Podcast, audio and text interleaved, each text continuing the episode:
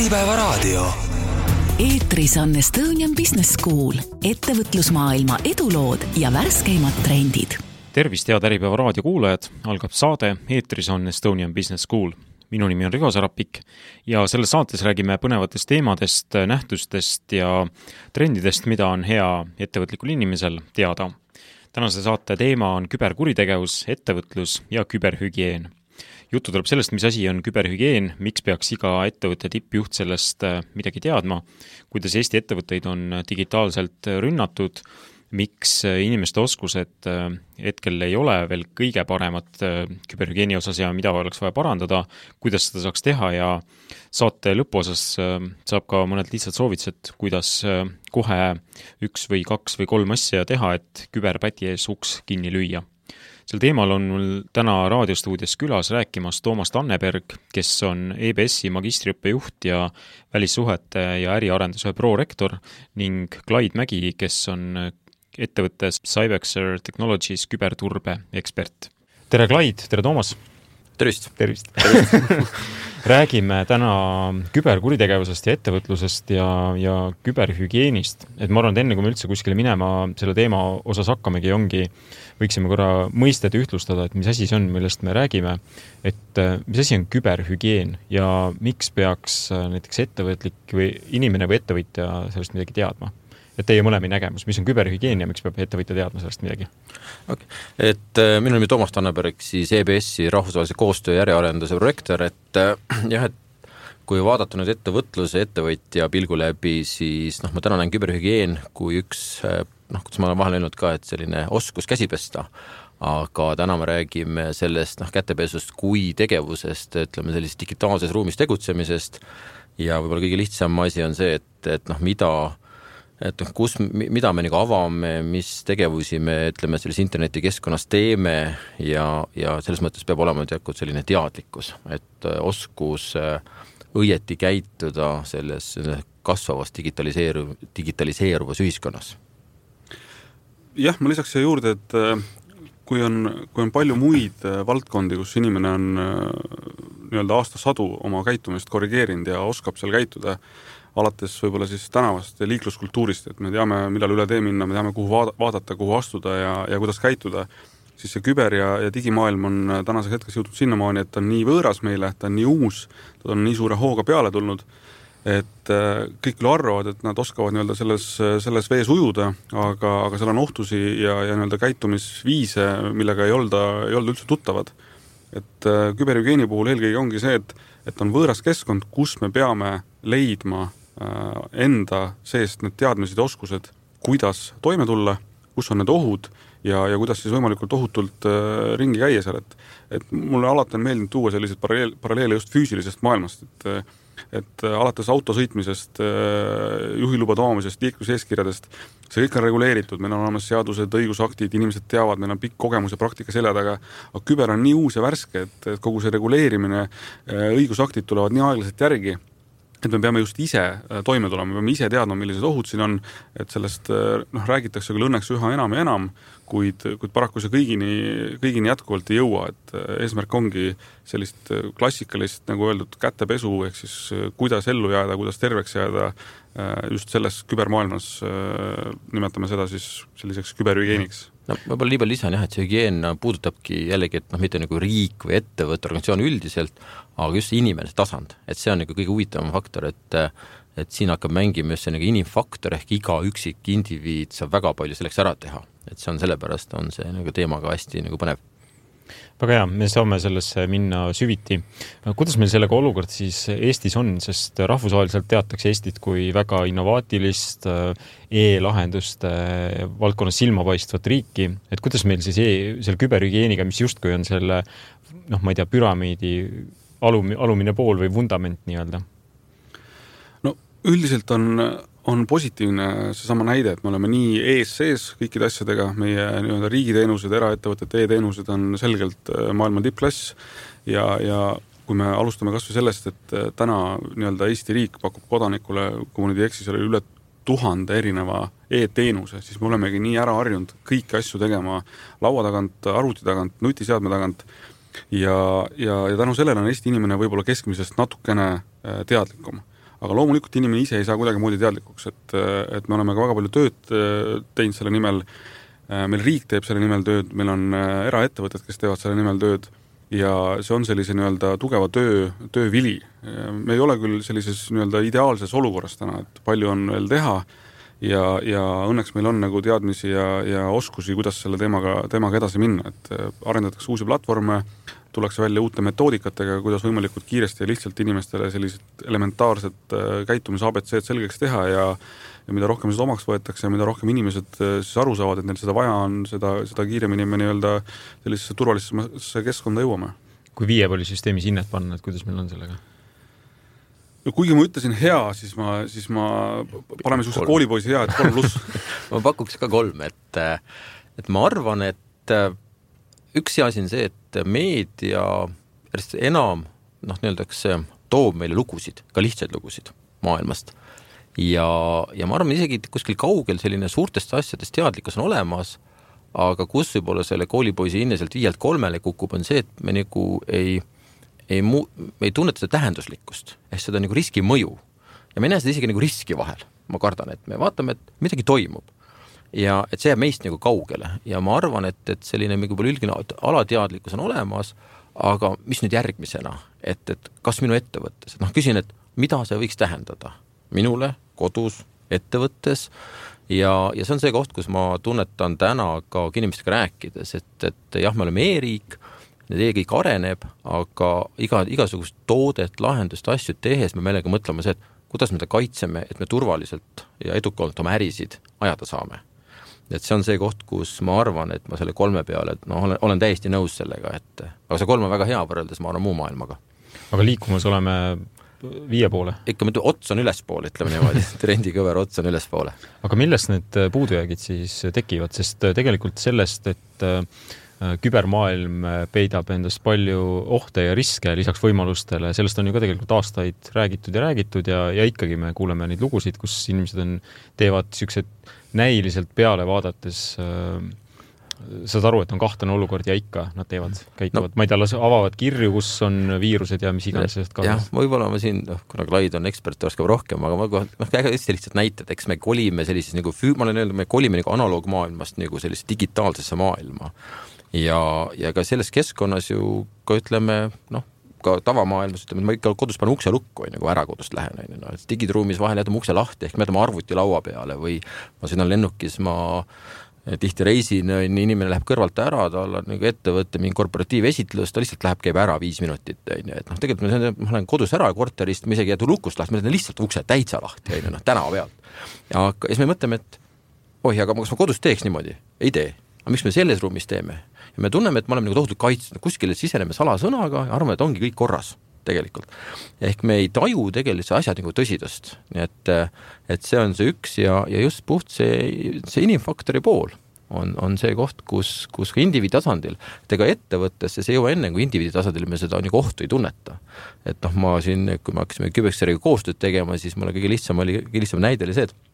kas mu wifi ruuteri tagant see parool, mis me tunneme, et numbrid ja koodid on tohutu turvalisus, on ju, siis noh, see on esimene asi, mis tuleb ära muuta ja ma nagu testin seda inimestega ja ma arvan, et sajast inimesest üheksakümmend üheksa, kui ma ütlen seda, siis kõik vaatavad suurte silmadega otsa. ja ma ütleks, et oleks kauged inimesed, et mu vanemad seitsme-kaheksakümnendates, kes nagu ei saa aru, millest ma räägin, vaid nad on iga päev ettevõtetes väga suurte andmete, asjade juures olevad inimesed. ja teine on puht, nagu sa, Rivo, ütlesid, uudishimu, ega see uudishimu nii-öeldakse, et see noh, mul see mälupulga näide on teine, on ju, et ma küsisin eile lapse käest, et kui ta koolist mälupulga leiab, mis sa teed, laps ütles, pannakse õpetaja arvutist vaataks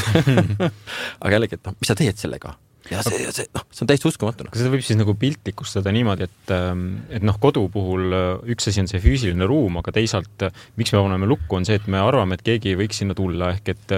et digitaalses maailmas tegelikult ka maja ümber luusivad nii-öelda piltlikult öeldes äh, pätid, aga me lihtsalt ei arvesta sellega, et nad seal on. Seal on, seal on see häda on selle digitaalse maailmaga, et digitaalses maailmas või kübermaailmas puuduvad riigipiirid, ajatsoon. me täna Eestis teame, et, et Eesti kodanik on selline üle keskmise korralik ja võib-olla selliseid koju sissemurdmisi ja selliseid klassikalises mõttes varguseid äh, jääb üha, iga päevaga üha vähemaks, see on okei. okay kuid, kuid küberis see inimene, kes siis on pahatahtlik, on ta siis kurjategija või mis muude kavatsustega, ta võib istuda ükskõik millises maailma punktis ja ta võib tulla ikka sinu nii-öelda vara kallale. Ja, ja seda, seda nagu ei, ei aduta nii lihtsasti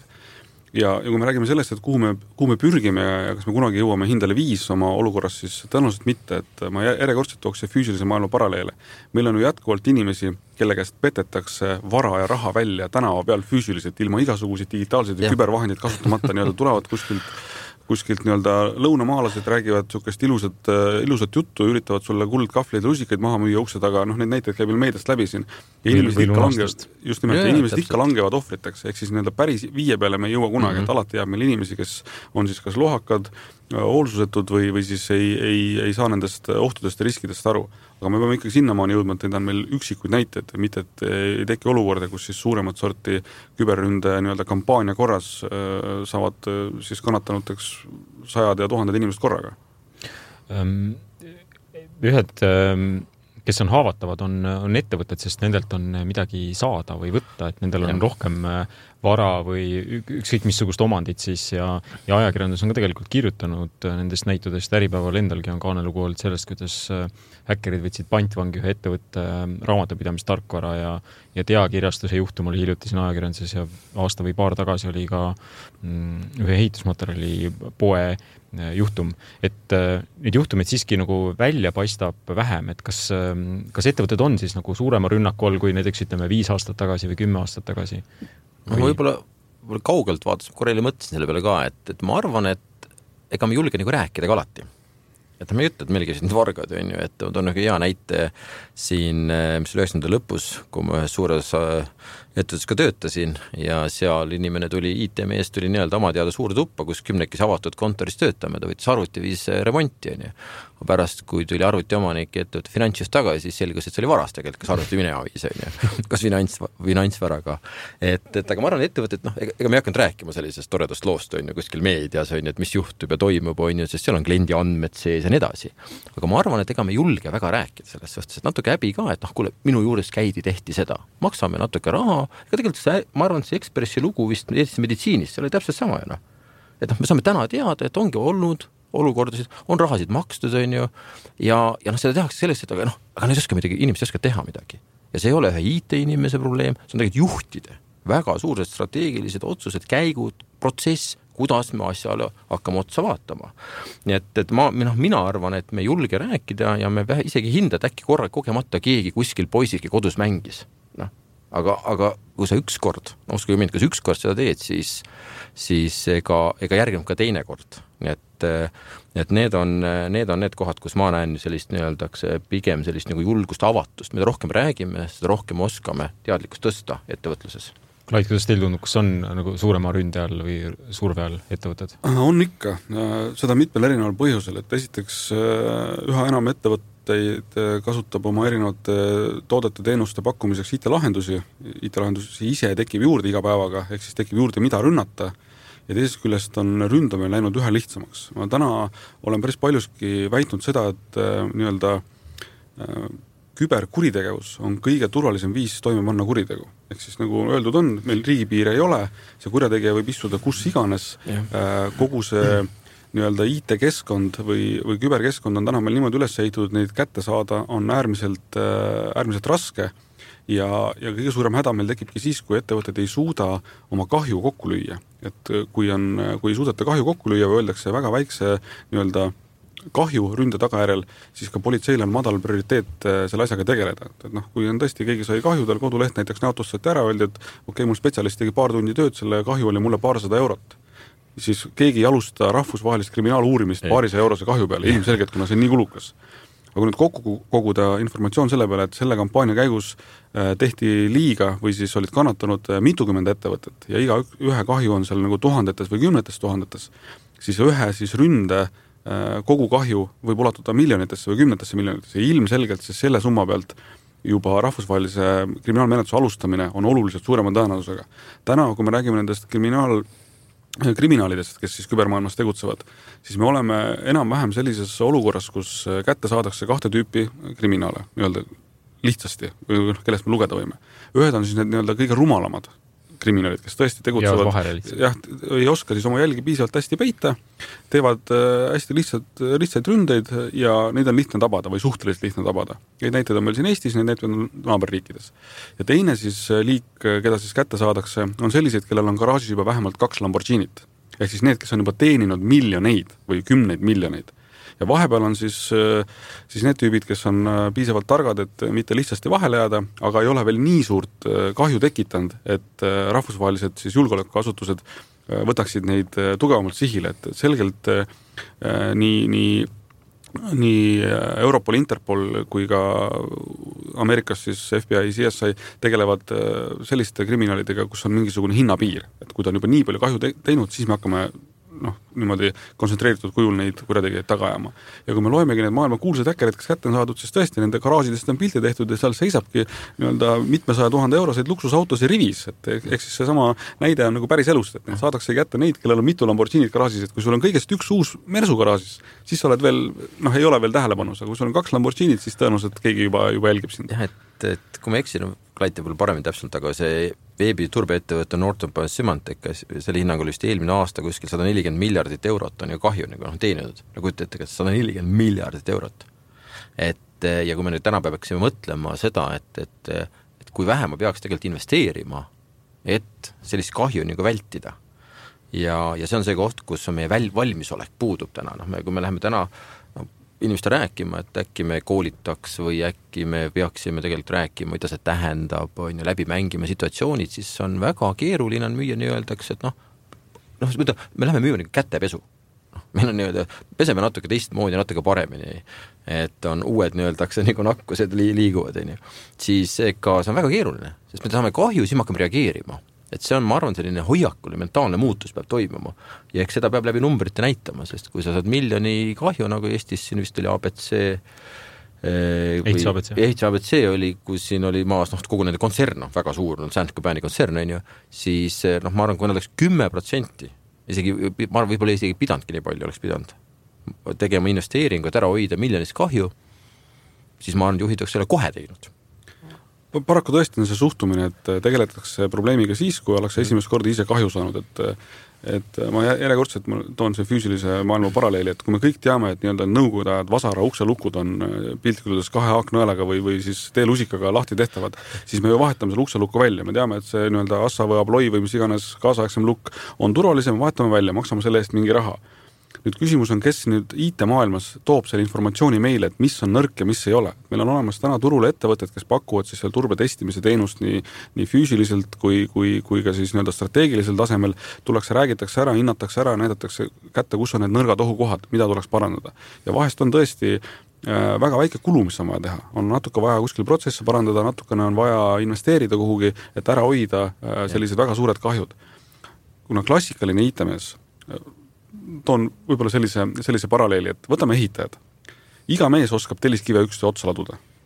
aga see, et see maja ka püsima hiljem jääks, selleks on vaja mingisugust arhitekti või selleks on vaja ehituse järelevalvet ja nii edasi. Et IT-maailmas ongi, meil on täna suur hulk neid IT-mehi, kes oskavad nii-öelda fiboblokke või telliskive üksteise otsa laduda, aga keegi ei tea, kas see maja ka turvaline on aga selleks on olemas ka inimesed olemas, kes ongi spetsialiseerunud professionaalsed nii-öelda turbeeksperdid, kes oskavad öelda, kuidas neid kive üksteise otsa laduda, selleks et seal majas kõlbaks hiljem elada ja see ei kuku kokku, et see ei saa meile nagu saatuslikuks ja see ei ole meile ohtlik. aga mille, mingil põhjusel ei kiputa neid eh, kergekäeliselt kasutama samas äh, noh, õnn on näha, et Eestis neid ettevõtteid tekib juurde ühest küljest ja teisest küljest äh, eelkõige riik täna äh, läheb üha enam seda teed, et kõik uued lahendused, nii-öelda uued majad jutumärkides, mis ehitatakse, seal kasutatakse turbetestimist kõikidel juures ära, et vaadatakse, vaadatakse need üle. aga see on ühekordne lähenemine aeg läheb edasi, leitakse uusi turvavigu ka vanades süsteemides ja tegelikult tuleks nii-öelda kasutada eksperdi abi regulaarselt selline käitumine nii-öelda tuleb, tuleb aeglaselt ja, ja eks me enda poolt püüame siis nii-öelda suruda seda, seda teadmust juurde, et palun tegelege selle nii-öelda turbearhitekti abiga pigem varem kui hiljem, et, et selleks, et see, mitte see, saada suuri kahjusid. see ehituskeeles on, et me nagu armatuuri hakkame nagu veel tagantjärgi panema kuhugi sisse või kontrollima armeerimise üle nii-öeldakse täpselt. aga kas saab üldistada, et, et mis, mis ettevõtted siis on niisugused haavatavad, et ma arvan, et, et et ma ei eksi, kui ma ütlen, et ka levinud on arusaamine, et minu firma on ju nii väike, et see ei puuduta ju mind. et äh, kas, kas saab tuua välja mingit riskirühma, on need väiksed ettevõtted, suured ettevõtted, mingid kindlad valdkonnad? see, tõsi, see arvamus on väga levinud ja mitte ainult ettevõtete seas, vaid samamoodi tavakodanike seas, aga minult ei ole ju midagi võtta. aga minu vara on väike. Et noh, tegelikult kaubaks läheb turul kõik, inimeste meiliaadressid, paloorid, kontod, sotsiaalmeediakontod, e-, isegi laste erinevad mängukontod, sest et on ju keskkondi olemas, kus on mängukontodes on mänguraha, mis tegelikult teatud tingimustel kuskil on võimalik siis konverteerida nagu päris rahaks ja, ja kõik see läheb turul kaubaks. põhimõtteliselt kõike, mida on võimalik müüa digitaalselt. just, ja, ja, ja, ja, ja kõige parem näide on veel see, kuidas äh, tänapäeval nii-öelda istuta-, istutatakse inimeste arvutitesse mingisugust äh, nii-öelda siis, võib teda nimetada pahavaraks, mis teeb midagi sinu arvutis, kasutab sinu ressurssi ära näiteks selleks, et kaevandada äh, Bitcoini, Bitcoini või mõnda muud nii-öelda mm. krüptoraha. Äripäeval on ka kokkupuude sellega no,. paari nädala tagant. just, just, mäletan seda, mäletan seda lugu väga hästi. ehk siis tegelikult on jälle füüsilise maailma paralleel kui meid kodus ei ole, kas meil on ka, noh, mõni inimene suhtub niimoodi, las ta kaevandab, siin arvutis mingid protsessorid kuskil, mingid protsessid taga töötavad, et et mi, mis mul sellest on, see ju mind ei sega. aga mõelge seda niimoodi, et kui teid kodus ei ole, keegi, keegi võiks tagaaias kaevab sulle. jah, mitte tagaaias kaevab, aga keegi võiks istuda teie, teie elutoas ja vaadata televiisorit. kas teil on kahju, et teile televiisor mängib vahepeal, teid ju kodus ei ole, tulete kodus, ta läheb ära jälle sealt kodust. et noh, tegelikult tuleb sellesse niimoodi suhtuda, suhtuda, et seesama digitaalne keskkond on siin teie vara ja teie ressurssi kasutab keegi teine ära et jumala eest, las kodutud elavad äh, inimese kodus päeval ja õhtul kolivad jälle kuskile pappkasti, et et noh, kas see sobiks teile? ei sobi. aga siin justkui digitaalses maailmas ei pöörata sellele tähelepanu. ja noh, eriti on ju kummaline, või mitte kummaline, vaid äh, nad ju ei küsi sinu käest luba, vaid ja, lihtsalt ju hakatakse kasutama ja siis, kui sa selle pealt silma kinni pigistad, et las nad seda teevad, see tundub tõesti veider. ja, ja noh, vaata, see on ka selles mõttes, et ega tavakodanikuna, ega me ei märka seda, et noh, kui mul keegi, nagu Klaid ütles, et keegi istub päev otsa kodus, on ju, keegi on käinud äkki, on ju, et noh, et back-up'ikud käisid, on ju, et on telekas on äkki, äkki keegi külgkapis käinud, on ju, et eh, vahel joogi jäänud, mis iganes. aga selles kübermaailmas, selles digi, digiruumis, ega me ei märka ju. ja me ei ole täna selles mõttes, tavakasutaja ei pea olema sellise oskuse võimekusega, kus ta nagu teab, oi-oi, keegi mul käis, märkas, vaatas. et eh, see on see koht, kus me me ei teagi tegelikult, me võime aastaid nagu tegelikult selle, selle nii-öelda sellise murega nii-öelda elada ja noh, muu, muu tur-, turbelahenduse poolest äh, järjekordselt, et et kui me koju tahame panna omale valvesüsteemi, et noh, kindlasti on mõni äh, tuttav niisugune elektroonikahuviline poiss olemas, kes on võimeline mingisugused äh, internetipoest ostetud andurid kokku kruttima värvilise traadiga ja ütlema, et kodu on kaitstud. ometi me võtame need valvesüsteemid nii-öelda ekspert ettevõttest, kes tegeleb valvesüsteemide lahenduse ja paigaldusega ja me teame, et see on turvaline, et sellest on ka päriselt kasu, et see signalisatsioon läheb tööle, kui mul sisse murtakse, et mul suitsuandur läheb tööle, ma ei pane sinna nii-öelda mis iganes muud lahendust omale üles, et IT-maailmas me peame sama teed minema, me peame aru sellest saama, et on olemas eksperdid, kes tegelevad konkreetse valdkonnaga ja kes õpetavad meile seda, mismoodi seda lukku valida, mismoodi seda valvesüsteemi panna ja mismoodi see maja üleüldse peaks turvaline olema, et see esimese lumega katus kokku ei kuku ja seinad laiali ei vaju. et sellise nii-öelda mõttemaailma muutmist me peame natuke kiirendama, et see, see kindlasti tuleks ise ka ajapikku, kõik on lõpuks ohvrid ja kõik on oma varast ilma jäänud ja kõikidest fallidest ja muudest asjadest, siis varem-hiljem tõenäoliselt hakkab see inimene ise ka aru saama, et et meie töö täna ongi, et pigem seda teadmust ja informatsiooni inimestele nagu ennetavalt kohale viia, mitte tegeleda ainult tagajärgedel, et tahaks nagu kaks sammu ees olla, mitte võib-olla e-riigina ma ka mõtlesin hommikul, et võib-olla peab ka noh, ühel hetkel too, tulebki teha selline võib-olla mingi kindlasti miks, on ju, nagu avalik selline, et noh, ära astu nagu rongi ette, kõrvaklapid peas, vaid tegelikult täpselt sama, et, et kas sa tead, on ju, mis sinu tegelikult selles arvutis toimib, on ju, me võime ka siin, võiksime olla väga selged nagu eeskujud maailmale, sest et see, nagu öeldakse, tugevdaks just väga sellise Eesti e-riigi nagu äripoole kuvandit hästi-hästi tugevalt, mida meile natuke isegi ette heidetud, et kui riik on väga kõval tasemel, siis tegelikult meie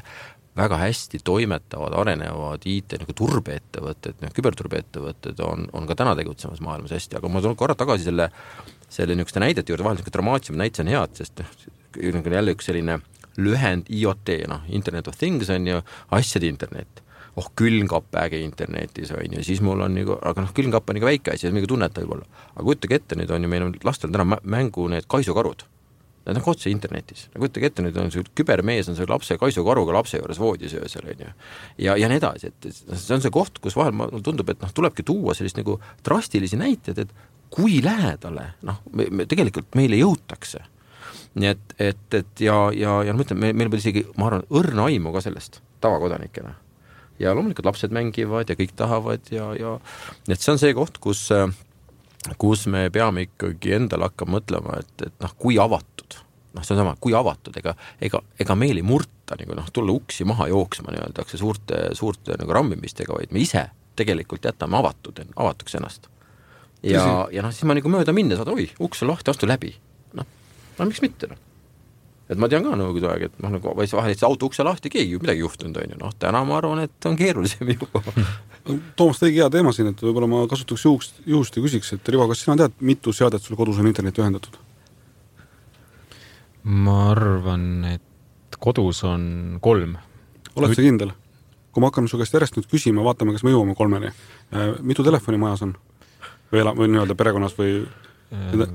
üks nutitelefon, üks, nutitelefon. üks on tavaline no nii, nutitelefon on ikka wifi's? nii äh,, arvuteid? üks laptop ja üks, üks tahvelarvuti. nii, see on juba kolm. ja kuidas televiisorisse pilt tuleb? meil ei ole televiisorit. ei ole televiisorit oh.? aga wifi seade ise on ka võrgus? okei okay,, jah, tõsi. nii, nutikellasid on? ei. ühtegi valveseadet ei ole võrgus ehm,? ja vot see on, jään vastu võlgu okei okay., sest tavaliselt valveseade on küll olemas, aga ma ei ole, ma ei tea, kas ta on võrgus. okei okay,, aga televiisori puhul jah Toomas, sa tead, mitu seadet võrgus on kodus? oo ikka, ma ütlesin, telefone on igalühel üks telefon, arvutid on, noh, valveseade, noh, selles mõttes, et ega jah, telekas tänapäeval televiisorid, äh, digiboksid, äh, kõik käib ju enam mitte üle klassikas mõttes antennikaabli, vaid tuleb üle võrgu, eks ole. ja teine, ei no mis asja, auto, autos samuti, sa oled ju võrgus no, jaa, aga võtame, noh, ütleme palju, palju, paljudel inimestel veel, veel autosid võrgus on, aga mm. aga kodus mängukonsoolid, kõik need äh, Playstationid, Wii'd, kõik on mm., kõik on võrgus. nutikellad, tahvlid, noh, kõikvõimalikud erinevad asjad, et mina olen omal kokku saanud üle kahekümne seadme, mis kodus võrgus on et alguses mõtledki, et noh, mul on kaks arvutit ja ja üks ruuter kodus, et kogu lugu, aga siis hakkad vaatama neid, noh, televiisorid on ja siis on seda, teist, kolmandat ja nutikellad ja moodsad asjad toovad tegelikult selle kõik koju meile kätte et, et see on ma, toon siia sisse selle ettevõtte poole, et inimesed töötavad ju tihti kodus, ehk et äh, kas ja. see on ka siis nagu riskikoht tegelikult ettevõtjale, et kui sul töötajal on äh, rohkem asju, kui ta isegi teab, et tal tegelikult on võrgus ja, ja nende kõikide turvalisuse tase võib-olla ei ole ühtlane, et kas see on koht, mille pärast peaks muretsema? see kindlasti on koht, mille pärast peaks muretsema, mida me siin kõige rohkem näinud oleme, eelkõige siin just äh, Cybexeri sellise nii-öelda hügieeniplatvormiga ja selle tagasiside kasutajatelt on see, et äh, ettevõte võimaldab küll äh, igalt poolt tööd teha, aga kasutajad ei tea, milliste reeglite alusel, mida tohib ja mida ei tohi teha. et on olemas äh, ju nii-öelda turvalised lahendused, kuidas saada ligi punktist A punkti B erinevatele infosüsteemidele, kasutatakse VPN-i mm. -hmm. ja paljud inimesed on küll kuulnud seda akronüümi, aga ja arvavad, et see on kuidagi niisugune taustal kaasas käiv nähtus, aga miks seda kasutatakse ja, ja kuidas see asi toimub, sellest nagu täpselt ei teata ja mida võib kaugelt teha, kuhu võib ligi pääseda, milliseid andmeid võib koju viia, kuidas neid töödelda võib, et väga tihti on, on häda just selles, et ei olda teadlikud erinevatest reeglitest ja mitte ainult sellepärast, et kasutaja ise ei teaks neid, vaid ka ettevõte ei ole välja töötanud sellist selget, arusaadavat ja. poliitikat või reegleid, kuidas, mida tohib teha selleks, et oleks võimalikult turvaline. et siin on kaks poolt, üks on siis see kasutaja, teadlik käitumine ja loomulikult see ettevõtte pool, et kas siis keegi infoturbe eest vastutav isik, kes peaks selle välja töötama, ja juhtkond, kes selle peaks äh, nii-öelda kooskõlastama. jah, meie oleme nõus, et meie infosüsteeme ja meie andmeid tohib nii ja nii kasutada ja kas sa võid nii konfidentsiaalset informatsiooni üldse viia omale koju et ilm, ilmselgelt kodus inimesed ei suuda tagada sellist nii-öelda turbetaset noh, tihti, mitte alati, aga tihti, kui no,, kui ettevõtted. ma toon jälle selle tagasi näite juurde, sedasama kodu wifi ruuterigi, et, et ega, ega noh, ma mõtlen küll, et mul läbi, läbi kodu wifi ruuter, mul on see parool taga, aga just seesama turvalisuse tase ja, ja teine pool on see, jah, eks, eks kodus töötamine alati muudab teistsuguseks nagu hoiaku ja tunnetuse nii et, et selline võib-olla kontroll on teistsugune ja, ja ta on nagu, nagu, ta ei ole nii range ja see on noh, see on alateadlik ja noh, seal midagi parata ei ole. ja noh, samagi, et ega see algab ju ettevõtte juhtidest, et ega ega see IT-inimene ka pruugi kõike seda teada, ta elab selles keskkonnas sees ja eks see on esimene koht, kus ettevõtted peavad, nagu Klaid ütleski, oma need äriprotsessid üle vaatama selles mõttes, et mis on see küberturbe risk tegelikult. et tegelikult selle läbi mängima, et, et nad peavad oma ühe dimensiooni juurde. et, et siin noh, nii lihtne see ongi, tuleb, tuleb selle pilguga vaadata ja no kas ma töötan kontoris, kodus, ma reisin, noh reisimisel jumal, kus võrkudes, kus me oleme, me teeme ülekandeid, see on täiesti müstika. no tõesti, ma viibin palju nii-öelda lennukites, siis ma noh, lihtsalt lihtsalt imestan, mis infot ma olen kogunenud endale kas või kahe-kolme tunni vältel täiesti aga, müstika. aga lihtne küsimus, et et iga ettevõte peaks eelkõige alustama sellest, et, et mis on minu ettevõtte jaoks see väärtus ja need andmed, ilma milleta äh, seda ettevõtet ei eksisteeriks, ilma milleta sa ei suuda teenust pakkuda igal ettevõttel on olemas kuskil kliendibaas, kuskil äh, konfidentsiaalsed andmed, protsessid, muud failid, mis on nagu eluks vajalikud selle ettevõtte jaoks. ja kas nüüd on läbi mõeldud see, et kuidas neid andmeid kaitstakse, kus nad asuvad, kui palju nendest varukoopiad on tehtud, kes nendele ligi pääseb, kuidas nendele ligi pääseb ja nii edasi. et kui sellised elementaarsed reeglid jälle on paigas, siis on nii-öelda pool võitu juba saavutatud. et ei tekiks sellist kõige lihtsamal kujul andmete kaotust või nendest ilmajäämist aga kui ollaksegi arvamusel, et mul on siin nurgas IT-poisi seal soojendab sokke üks arvuti seal laual ja, ja seal on kõik olulised andmed olemas, et küll ta sellest hoolt kannab, siis nii see üksi ei tööta, et üks hetk teeb see IT-poiss ka ühe vale liigutuse ja on ettevõte kogu oma olulisest, olulistest andmetest ilma ja, ja põhimõtteliselt paneb järgmine uksed kinni. et küberründe tagajärjel nii-öelda tegevuse lõpetanud ettevõtteid, selliseid näiteid on maailmas küll, et see ei ole üldse, üldse haruldane ja üks asi on see, et see on ettevõttele vajalik, teisalt see võib tuua ka mingeid nõudeid või sanktsioone, et, et su andmed on läinud kuskile, saanud välja. täpselt, eriti nüüd, kui meil on, on tulemas uus Euroopa Liidu äh, andmekaitsemäärus. andmekaitsemäärus, siis sealt tulenevad nõuded on ikkagi väga suured ja, ja, ja ettevõte peab panustama ja noh, tegelikult see ongi kliendi kaitseks toodud, et ja, ja samamoodi tegelikult ka ettevõtte enda tarbeks, ta peab aru saama, ta peab neid andmeid kaitsma, mitte ainult sellepärast, et kliendil oleks äh, hea ja turvaline, vaid ka ettevõtte enda eksist-, eksistentsiaalsetel põhjustel ta peab vaeva nägema. ja, ja kui me tänagi oleme lugenud siit meediast, et äh, ka Eestis praegu töötatakse välja uut äh, küberturvalisuse seadust, ja, ja mõni ettevõtte asutus on öelnud, et, et selle seaduse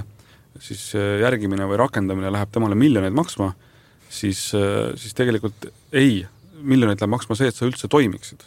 et, et need näited, mis on siin meedias vahest toodud või, või mõnele, millele mõni asutus apelleerib, et et äh, seda nii kulukas täita, siis noh, kulukas ongi täna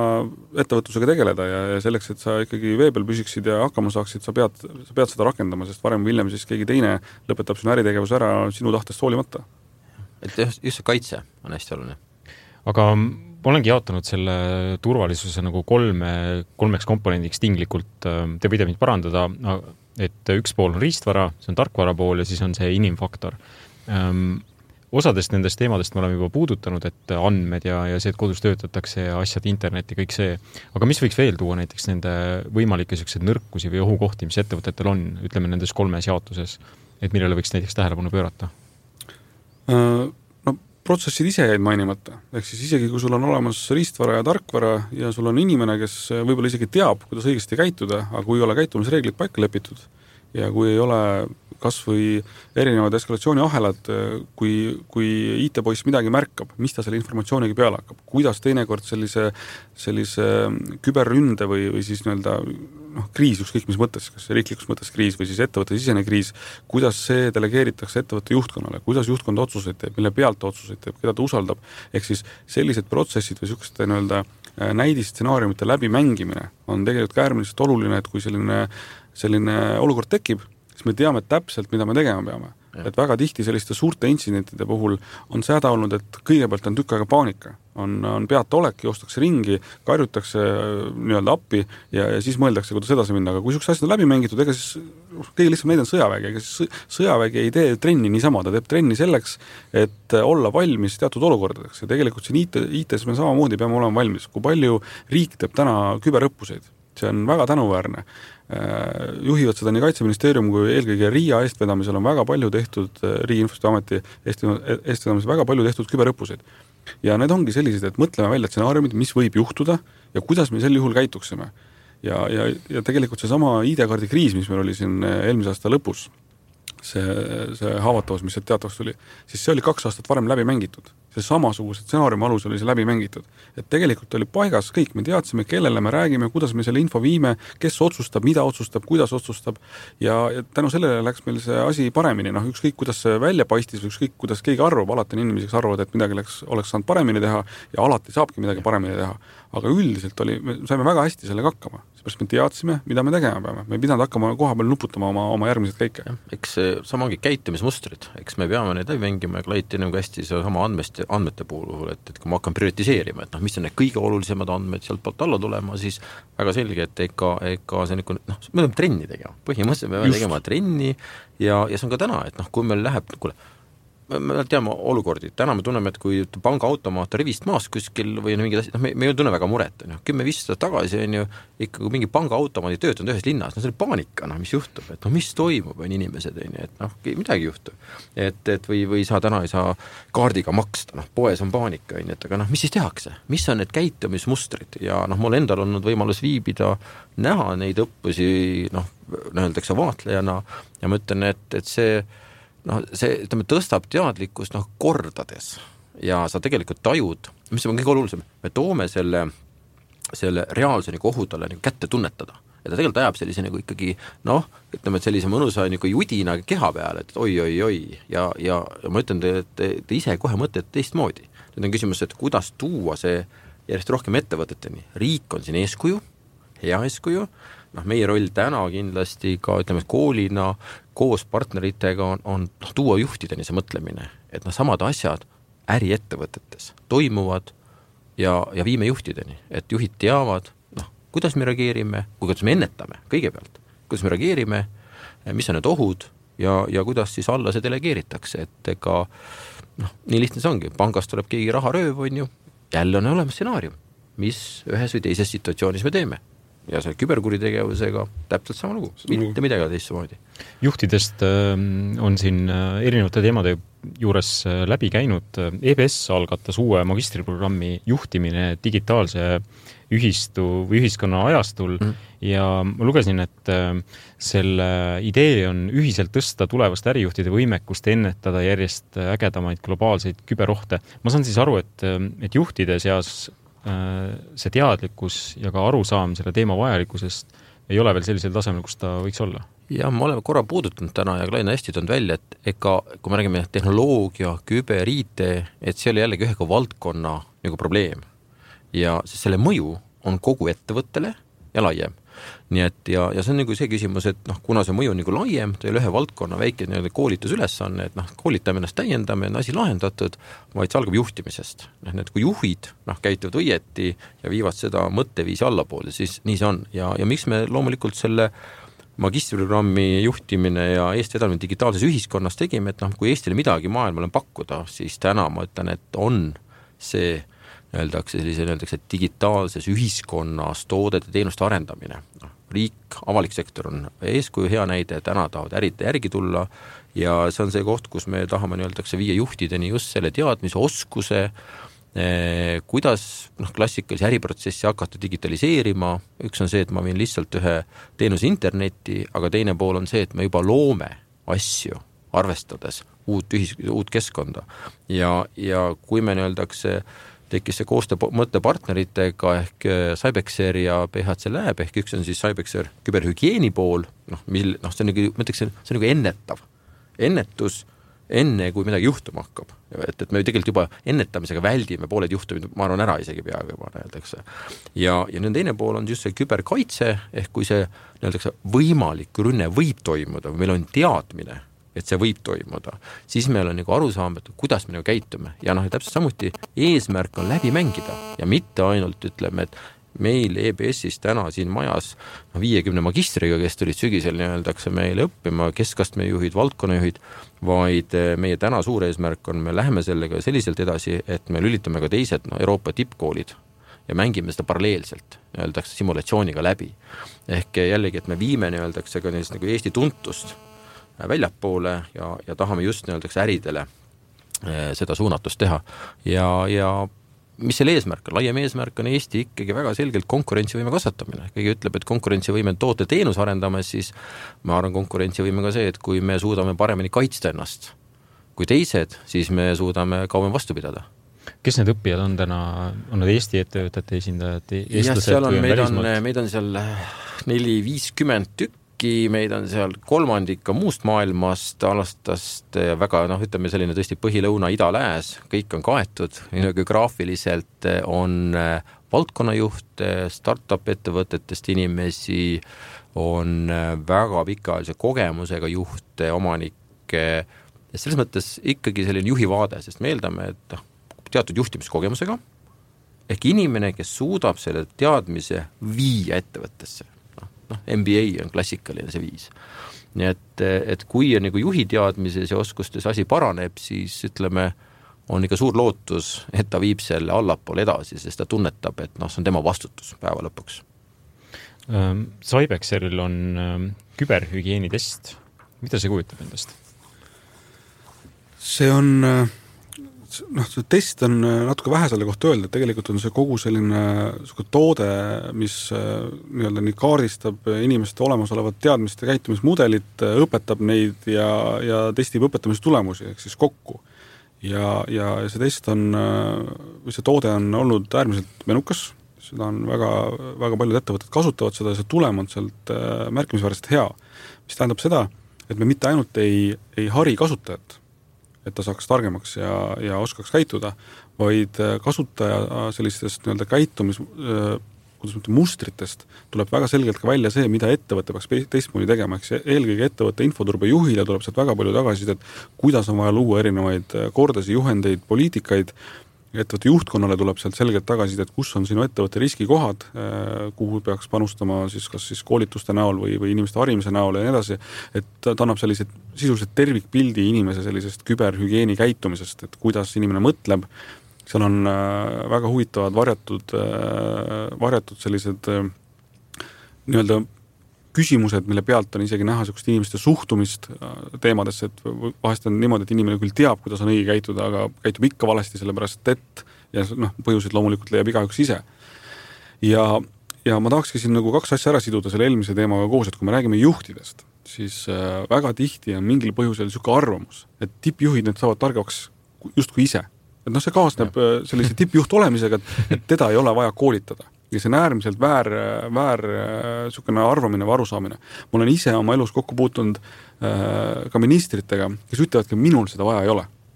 sest noh, mina olen minister, mina tean täpselt, kuidas asjad käivad. aga kust see tippjuht või kust see minister saab oma teadmise, tekib minul küsimus. Kui tema ei tee läbi selliseid elementaarseid asju, et tegelikult kas või, kas või eeskuju näites, et kui, kui, kui mõni asutus ikkagi võtab selle koolituse omale vastu, see asutuse juht on esimene, kes peaks näitama eeskuju, et mina tegin ka selle ära, mis tähendab seda, et igal inimesel on see kohustuslik teha. ja, ja me kõik istume arvuti taga ja me kõik puutume ühe koma, teise koma, kolmanda asjaga kokku. ja siis tuleb selline tervikpilt ja, ja, ja ja noh, lisaks siis muidugi kõik see muu, millest juht aru peab saama, et kui palju meil täna on üldse ettevõtluses teenuseid, mis ei sõltu IT-st, et noh, praktiliselt neid enam jäänud ei ole. jah, ega selles mõttes ma arvan, et selline et see küberhügieeni see toode, tegelikult hästi lahe õppeplatvorm, ütleme, et TBS, kui me ise seda nagu pakume tudengile, ise seda nüüd noh, viime ka edasi maailma, siis loomulikult me teeme ise seda läbi, on ju, noh, võtame paarsada inimest kokku, kõikvõimalikud töötajad, õpi, õpped, õppejõud, siis ega, ega noh, mul ei tulnud ka keegi altpoolt ütlema, et noh, IT-juht, et kuulge, et noh, meil on seda vaja, on ju, ütleme, et äkki ma, äkki ma, äkki see ei ole päris õige teema, mis ma lauale panen, on ju, näitab minu nõrkust, täna me võtsime noh, juhtimise tasandil ütleme, et me teeme selle me teeme ära kõigile ja mina ütleks, et, et see on nagu juhid annavad nagu panus ühiskonda, needsamad üksikindiviidid, kas või need kakssada tükki, kes on majas, nad lähevad, nad on osad, töötavad kuskil ka ettevõtetes, õpetavad meil, läheb tagasi, ütleb kuulge, teeme ka. ehk, ehk selles mõttes on see nii-öelda see noh, nagu vajadus, kus ütleme, juhid selliste otsustega viivad selle teadmise hoopis noh, tuttavate sugulaste juurde läbi nende inimeste. just nimelt koju ka, mitte, mitte ainult töö juures sa ei käitu, vaid kodus ka, sa saad selle teadmise, sa oskad kodus ka käituda. saadame jõulupaki koju kaasa põhimõtteliselt. no täpselt. jah, ilmselt see on ka üks niisugune äh, mm, võib-olla müüte või asju, mille peale ei mõelda, on see, et kui eraisikuna ei oska käituda, et siis kontoris peaks justkui teistmoodi toimima inimene mm. -hmm on, seda on väga tugevasti näha, et kui me kontorist ja noh, väga tihti ongi see, et me teame, et arvuti peab lukus olema ja parool peab olema selline te teistsugune ja kolmandatsugune, siis inimene läheb koju ja kasutab oma koduarvutit ja kodu võib-olla meili ja muid äh, platvorme ja teenuseid ja seal ta käitubki, väga tihti on seal tal parooliks üks, kaks, kolm, neli, viis, kuus, mis mhm. sest, et ta teab, et parool peab olema vähemalt, ma ei tea, kaheksa kuni kaksteist sümbolit pikk, suured, väiksed tähed ja nii edasi. et mingil põhjusel jah, koju läheme, siis, siis me ei, ei taha nii turvaliselt käituda, et kuigi nagu enda vara eest võiks ju rohkem hoolt kanda kui, kui nii-öelda tööandja vara eest, et et jah, kuna meie saateaeg äh, saab kohe otsa, siis mul ongi teile viimane küsimus, et me oleme rääkinud niisugustest äh, võib-olla mõnevõrra nagu suurtest teemadest, et niisugused käitumismudelid ja firma poliitikad ja nii edasi, mis on aeganõudvad, võtavad aega, kindlasti on tähtsad. Mm, aga et kui raadiokuulaja kuulab seda saadet ja mõtleb, et äh, tahaks enda küberhügieeni ka nagu paremale tasemele viia, et mis võiks olla üks või kaks või kolm niisugust soovitust, mida saab täna kohe ellu viia, et saaks oluliselt parandada oma käitumist või seda, et enda haavatavust millest alustada? ma arvan, me vist enamus ära, jah, ega ma ei oskagi muud kui nagu veenduda, nagu ennem siin oli küsimus, et noh, mit-, mit-, kui mitmed me seadmetega oleme kuskil internetis ja, ja, ja noh, kui noh, kuidas me nende seadmetega nagu ümber käime, noh, ma arvan, et, et see on niisugune kõige esmane nagu küsimus, on ju, et, et teadvustada üldse seda enda, nii-öelda võrku, eks? täpselt, täpselt, on ju, et jah, eks ta nii on, et noh, tegelikult me suudame võib-olla ühe või kahe käe sõrme peal kokku lugeda neid olulisi teemasid, millest inimene alustama peaks ja mis ta peab korda tegema, et alates sellest, et sul on õiged paroolid ja need keskkonnad, kus võimalik on sul kahetasemeline autentimine peal ja ja tee varukoopiaid, et kui sa jääd kuskil andmetest ilma, krüpteeritakse ära, et sul on olemas kuskil nii-öelda teine kõvaketas kodus sahtlis, kus sul vajalikud andmed on äh, peal, kuid kuna see ohupilt nii palju muutub, et, äh, et nii palju erinevaid selliseid äh, ründeid ja, ja neid ründevektorid tuleb meil uksest aknast kogu aeg sisse, siis äh, kõige rohkem vast täna informatsiooni selles vallas avalikult annab välja Riigi Infosüsteemi Amet, et nende koduleht ja nende blogi on võib-olla niisugune kõige sisukam asi, mis täna olemas on, et et noh, loodame jõuda sinnamaani, et et ettevõtted hakkavad ka sinna rohkem panustama ja avavad ka selliseid oma erinevaid keskkondasi, kus, kus seda infot on võimalik ammutada, noh laias maailmas on inglise keeles on väga palju erinevat informatsiooni, aga ilmselgelt nii-öelda keskmine eestlane ei, viitsi ja võib-olla ei peagi siis hommikust õhtuni guugeldama seda informatsiooni. Aga, aga niisuguse elementaarsete nii-öelda päevakajalisete ohtudega on tõesti siis äh, Riigi Infosüsteemi Ameti koduleht on täna kõige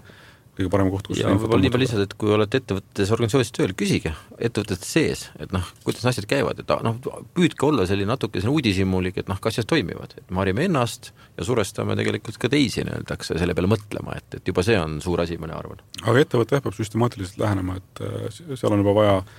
kas palgata professionaale või siis osta professionaalide käest äh, teenust sisse, kes aitaksid nii-öelda korra majja luua, et lihtsalt tavakasutajal ilmselgelt on nagu palju öelda, et äh, osta nüüd omale nii-öelda infoturbe juhi teenust, et äh, seal ärme üle võlli mine, aga ettevõtete puhul kindlasti, et, et kui omal ei ole palgal, siis tuleks kas või alustada sellistest lihtsamatest testidest ja, ja nii-öelda protsesside ülevaatamisest ja võib-olla sellistest väiksematest läbistustestidest, et aru saada, kui lihtne sinu süsteemide sisse pääseda on. ja, ja reeglina elu on näidanud, et igal pool, kus läbistusteste tehakse, ehk siis nii-öelda legaalne inimene, kes proovib käituda kui häkker, et süsteemidesse sisse murda, ütleme niimoodi, et lähes üheksakümmend protsenti juhtudest on see tee sinna sisse leitud, et kui, kui, kui leiavad nii-öelda äh, legaalsed eksperdid tee sinu süsteemidesse sisse, siis äh, võite kindlad olla, et kurjategijad on selle tee juba ammu üles leidnud. just, aga see, need on väga head soovitused, hea koht, kus äh, saatele mm, ots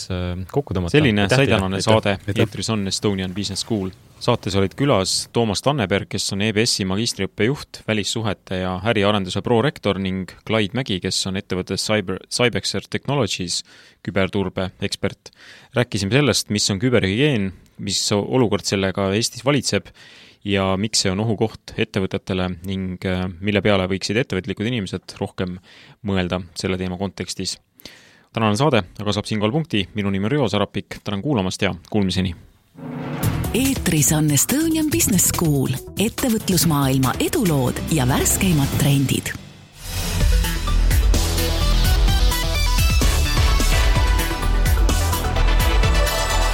Äripäevaraadio